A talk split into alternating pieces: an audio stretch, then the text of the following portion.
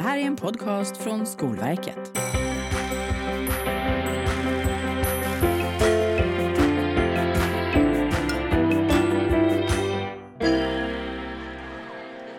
Hej och välkommen till Skolverkspodden. Den här gången så ska vi prata om ämnesbetygsreformen för gymnasiet, gymnasiesärskolan och vuxenutbildningen. Det här är en stor förändring som påverkar ämnesplanernas centrala innehåll och betygskriterier. Examens och programmål och programstrukturer påverkas också. Och just nu så arbetar Skolverket med att förbereda för ämnesbetyg. Jag heter Sandra Gelé och med mig i studion har jag Anna Jägberg, en av två uppdragsledare för ämnesbetygsreformen. Välkommen hit. Tack. Och Paula Starbäck, undervisningsråd från Skolverket. Tack. Varmt välkomna hit båda två. Anna, jag börjar med dig. Hur kommer det sig att ämnesbetyg ska införas nu? Det finns en ganska lång bakgrundshistoria då som startar 2018. Då tillsatte regeringen en betygsutredning, eller en utredning, som bland annat skulle titta på ämnesbetyg på gymnasiet.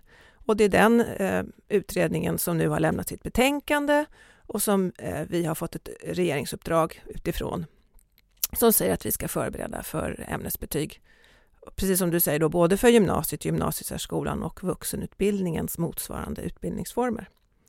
Och bakgrunden till det här med ämnesbetyg, eh, det grundar sig i att det har funnits kritik mot nuvarande kursutformade gymnasieskola som man menar har haft för stort fokus på att pricka av kunskaper och eh, bara liksom slussa igenom eleverna genom gymnasiet och man mm. inte har fått något fördjupat lärande. Så det är bakgrunden.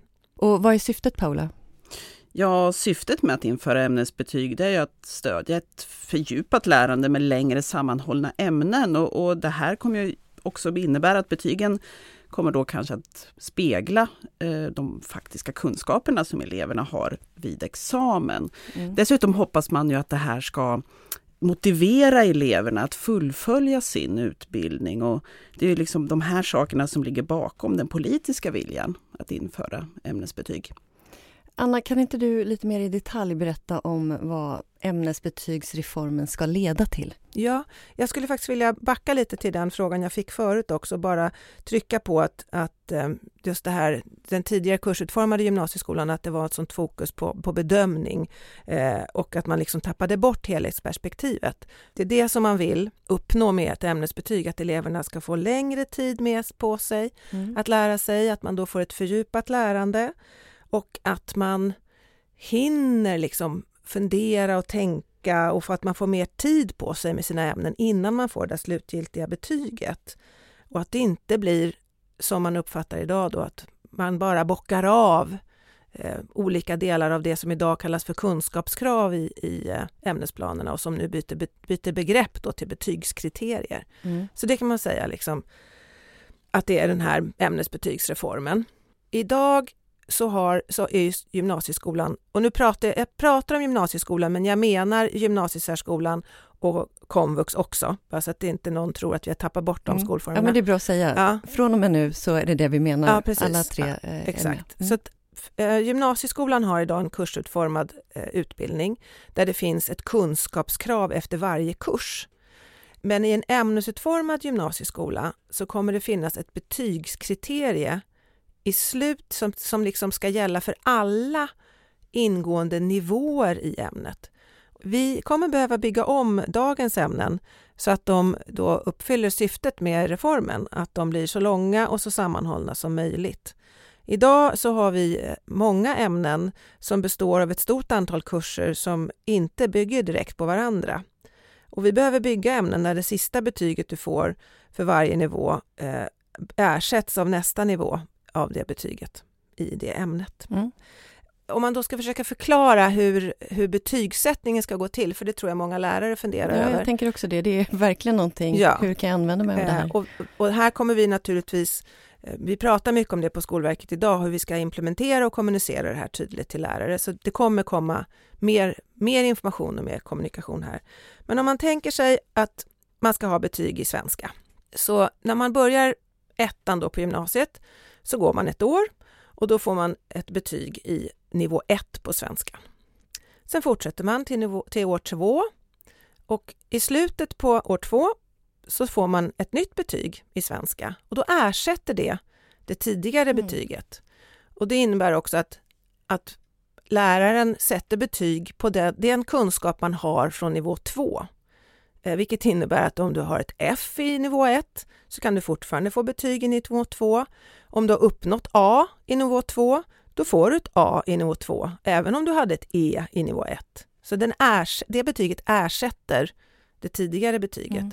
Och när man kommer till nivå 3 så får man ett nytt betyg som ersätter betyget från nivå 2. Och då har man ett ämnesbetyg i svenska.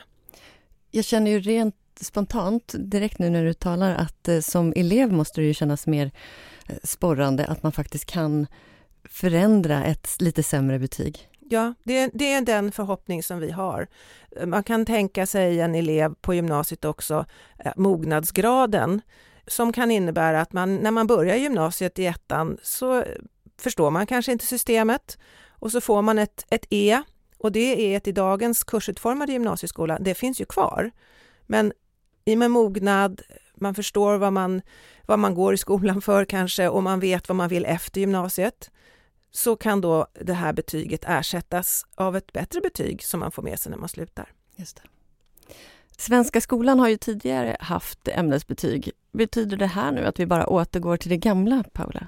Nej, det, det, vi gör är ju liksom att vi gör ämnesbetyg i en ny tappning. Um, vi utgår ju från gymnasieskola 2011, då bland annat för gymnasieskolan. Och vi kommer ju att förändra ämnesplanerna till innehåll, men strukturen ser ju likadan ut nästan för en ämnesplan. Programmen kommer också bevaras i väldigt stor utsträckning. Och många ämnesplaner kommer ju inte att sträckas över tre år, som vi hörde liksom förut i exemplet med svenskan, utan det kommer att finnas delar av ämnen som fortsättningsvis också är mindre, 50 poäng, som till exempel naturkunskapen i yrkesprogrammen som kanske läses på en eller två terminer. Historien på yrkesprogrammen är också 50 poäng. Eh, och man tittar då på naturkunskapen lite vidare sådär ett, ett varv till, och så naturkunskapen på högskoleförberedande program, den kommer ju fortsätta att vara 100 poäng. Plus att man har möjligheten till 100 poäng till. Och totalt sett så kommer ju naturkunskapen att ha samma omfattning som den har, eller framöver som den har nu. Mm. Hur påverkas gymnasiesärskolan och vuxenutbildningen, Paula? Ja, som jag varit inne på så är det ju hela den gymnasiala utbildningen som ska reformeras mm. med ämnesbetyg. Så att det är ju både gymnasiesärskolan och komvuxutbildningen som påverkas. Eh, de nuvarande ämnesplanerna i gymnasiesärskolan genomgår ju samma process som gymnasieskolan gör och eh, även där tittar vi på programmålen då på samma sätt som vi tittar på examensmålen för vanliga gymnasieskolan. Mm. Eh, och vuxenutbildningen kommer liksom tidigare att använda sig av ämnesplanerna som gymnasieskolan har och även fortsättningsvis så kommer vuxenutbildning att kunna använda då de här nivåerna eller delar av, av ämnen eh, för att kunna studera. Vi kanske får tillfälle att prata mer om det i någon, någon annan podd någon gång sådär, för det är ganska spännande det arbetet vi gör där. Mm. Ämnesbetygsreformen som vi pratar om nu, Anna, eh, handlar om mer än bara ämnesbetyg, eller hur? Ja, absolut. Men det är ju faktiskt så att gymnasieskolan i sin helhet har inte reviderats sedan 2011. Så det är liksom dags att se över och säkerställa att den utbildning som vi ger våra gymnasieelever 2025, då när det här ska börja tillämpas, faktiskt är aktuell då och helst längre fram också. Mm. Så det innebär att vi tittar ju på det som är examensmål för gymnasiet och programmål för gymnasiesärskolan och sen tittar vi på programstrukturen också för att uppdatera och säkerställa att de är aktuella och moderna och då kommer kunna gälla framöver i tid. Så, så delar som till exempel hållbarhet och jämställdhet och, och, bildning tittar vi lite extra på, men det finns andra delar som man behöver uppdatera. Teknisk utveckling i många av våra tekniktunga program mm. är också viktigt. Mm. Hur har Skolverket lagt upp arbetet, Anna? Ja, det här är ett omfattande arbete som involverar väldigt många personer på mm. Skolverket och personer utanför också, men det tror jag att Paula kan prata mer om lite strax. Kortfattat kan man säga så här att eh, på Skolverket så är vi ett antal undervisningsråd som arbetar och där varje undervisningsråd har ett ansvar för ett gymnasieprogram eller ett gymnasiesärskoleprogram och i vissa fall också enskilda specifika ämnen. Men till varje sånt där program så hör ett antal ämnesplaner och de jobbar vi med just nu. Mm. Eh, vi har skrivare som, som stöttar oss i själva skrivarbetet och vi har ett antal experter på de olika ämnena som också finns med. Det är ju så här att de styrdokument som vi har, de ämnesplaner, examensmål och programmål och sådär, de, de beslutas av lite olika instanser. Så både riksdag och regering finns med i besluts, eh, år, beslutsgången, i beslutsgången för, de här, för det här uppdraget. Så det innebär att vi kommer att ha två remissomgångar. Den första nu eh, februari 22 och den innehåller då ett antal dokument, de gymnasiegemensamma ämnena och examensmål och programmål och programstrukturer som regeringen beslutar och i vissa delar också riksdagen. Så de behöver liksom gå först. Mm. Och sen så har vi en, en annan remissomgång som kommer ligga eh, runt nyåret 22-23 med resterande ämnesplaner då eh, för hela gymnasieskolan och gymnasiesärskolan. Eh, och de där remissomgångarna kommer eh, finnas tillgängliga så att man som lärare kan kika. Sen finns det ett, ett antal remissinstanser som alltid får Skolverkets remisser på utskick som liksom ingår i den, den överenskommelse så som vi ska jobba som statlig myndighet. Just det. Det är lite om hur Skolverket har arbetat med det här, men om vi tänker på de målgrupperna som ni har för det här arbetet, Paula. Hur tar ja, vi, ni hjälp av dem?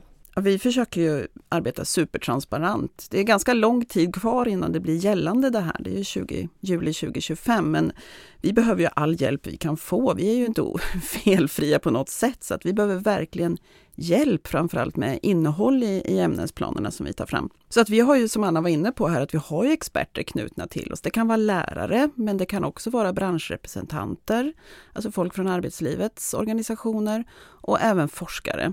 Vi har ju också dialoger på olika sätt, bland annat med de här branschorganisationerna då som jag var inne på, för olika yrkesområden då förstås. Mm. Sen har vi ju samråd, det här blir en sån lång lista. Vi har samråd med skolor och vi har samråd med lärosäten och bland annat olika typer av resurscentra som finns på lärosätena som har ämnesområden då som de bevakar. Mm. Vi har olika typer av referensgrupper. Vi har våra referensskolor som vi har jobbat med långsiktigt under flera år. Och sen lite mer formellt och kontinuerligt så jobbar vi med eh, de nationella råden för yrkesutbildning, gymnasial yrkesutbildning och även Högskolerådet som består av fasta, kan man väl säga, representanter från både branschorganisationerna och ifrån högskola lärosäten. Så det är de vi jobbar med. Mm. Jag tänkte att vi ska avsluta alldeles strax, men innan vi gör det så, så undrar jag om ni har något sista medskick till de som lyssnar? Ja, men då tänker jag så här att först tycker jag alltid att man ska följa Skolverkets nyhetsbrev. Eh, och det kan man göra oavsett vilken funktion man har i skolan.